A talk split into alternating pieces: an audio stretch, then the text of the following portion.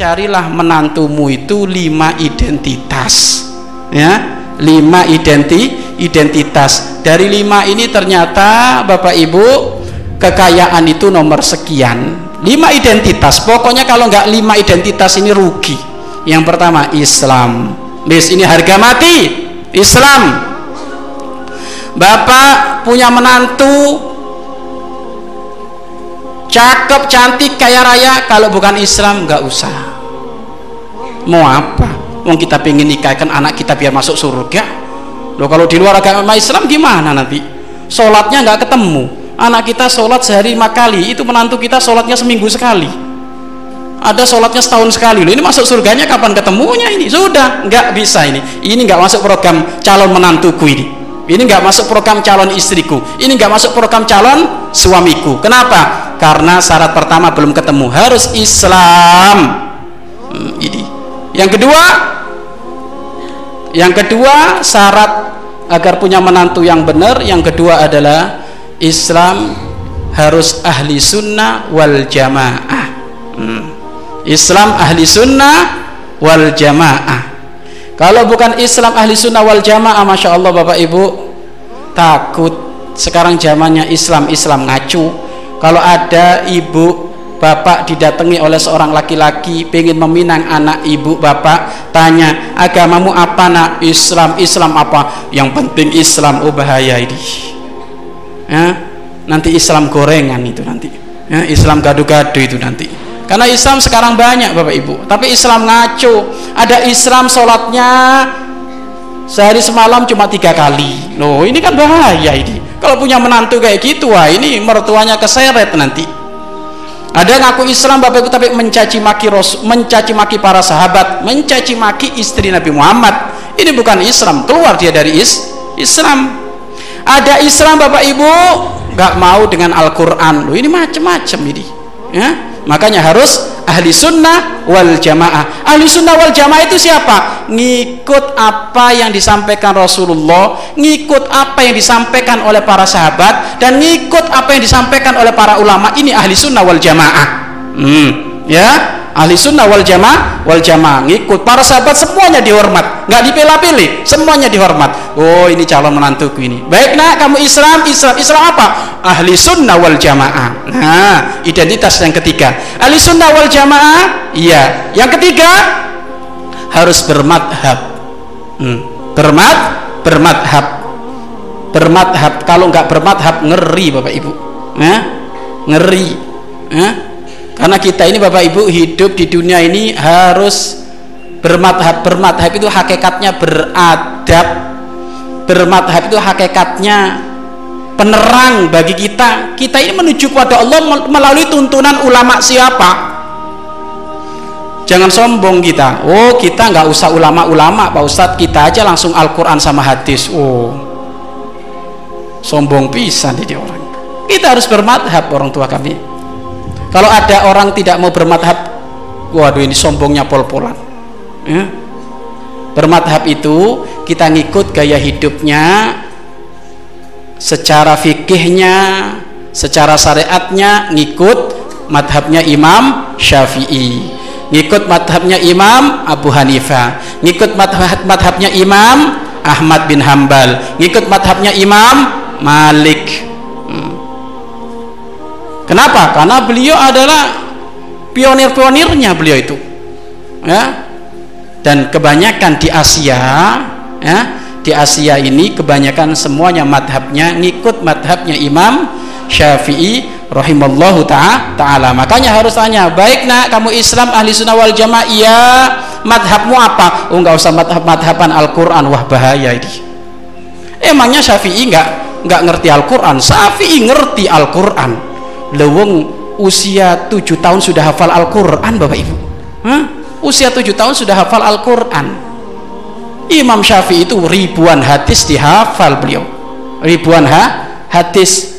Sampai disebutkan Imam Syafi'i itu kalau membaca kitab ada dua lembar. Lembaran pertama lembaran yang satunya harus ditutup. Kenapa? Karena kalau lembaran satunya kebuka itu malah ngikut ke hafal oh, saking cepetnya bapak ibu ya, Imam Syafi'i. Bahkan sampai disebutkan Imam Syafi'i rahimallahu taala itu kalau lagi jalan itu bapak ibu telinganya selalu disum, disumpet disumpel ya. Telinganya selalu ditutupin. Kenapa? Karena saking cerdasnya beliau kalau telinganya nggak ditutup akhirnya apa yang diucapkan orang kehafal semuanya. Hmm. saking hafalnya Imam Syafi'i. Ente bolak-balik dengar ceramah ya nyambungnya assalamualaikum sama wabillahi taufik wal inayah. Hmm. itulah perbedaan. Maka jangan sombong. Ya jangan sombong. Gayanya ngikut Al-Quran. Emangnya Imam Syafi'i ngikut siapa? Imam Syafi'i hafal Al-Quran. Imam Syafi'i ngerti tafsir Al-Quran. Imam Syafi'i ngerti isi Al-Quran. Maka tawaduk sudah. Ya? Mohon maaf Bapak Ibu. Bapak Ibu kalau kulkasnya mati manggil siapa tukang kul kulkas berarti jenengan kan hakikatnya ikut manhabnya orang tersebut di dalam memberesi Al-Quran. Ibu kalau televisinya mati manggil siapa? Tukang TV atau tukang cangkul? Tukang ti TV kalau AC-nya mati manggil siapa? Tukang A AC loh ini kalau bab dunia cerdas. Ada orang kalau TV-nya mati manggil tukang cangkul iya kan? Kenapa kalau bab dunia itu ngerti cerdas? Tapi kenapa kalau bab agama sombongnya pol-polan? Yang ngerti Al-Quran itu siapa? Ulama. Iya kan? Yang ngerti Al-Quran ula, ulama para kiai, para habaib. Dan semuanya sambung kepada pemimpinnya para ulama Imam Syafi'i. Imam Syafi'i sambung kepada Rasulullah Sallallahu Alaihi Wasallam makanya dari sini Bapak Ibu kita harus bermadhab ya kan? Bermadhab ngikut madhabnya alurnya Imam Syafi'i ya. Coba kalau listrik mati ke tukang list listrik ya. Coba kalau listrik mati ke tukang cangkul kasihan tukang cangkulnya mati kesetrum listrik. Kenapa? Karena bukan ahli ahlinya. Dan kenapa kalau urusan agama semuanya sok ahli-ahli semuanya kita harus ngerti dan sadar ahli dalam urusan fikih adalah kembali kepada imam.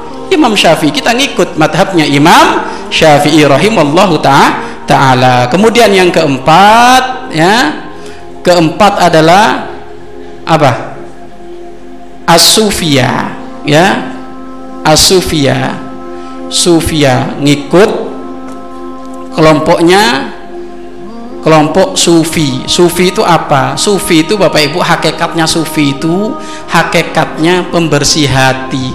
Kalau sekarang bapak ibu manajemen kolbu gitu loh.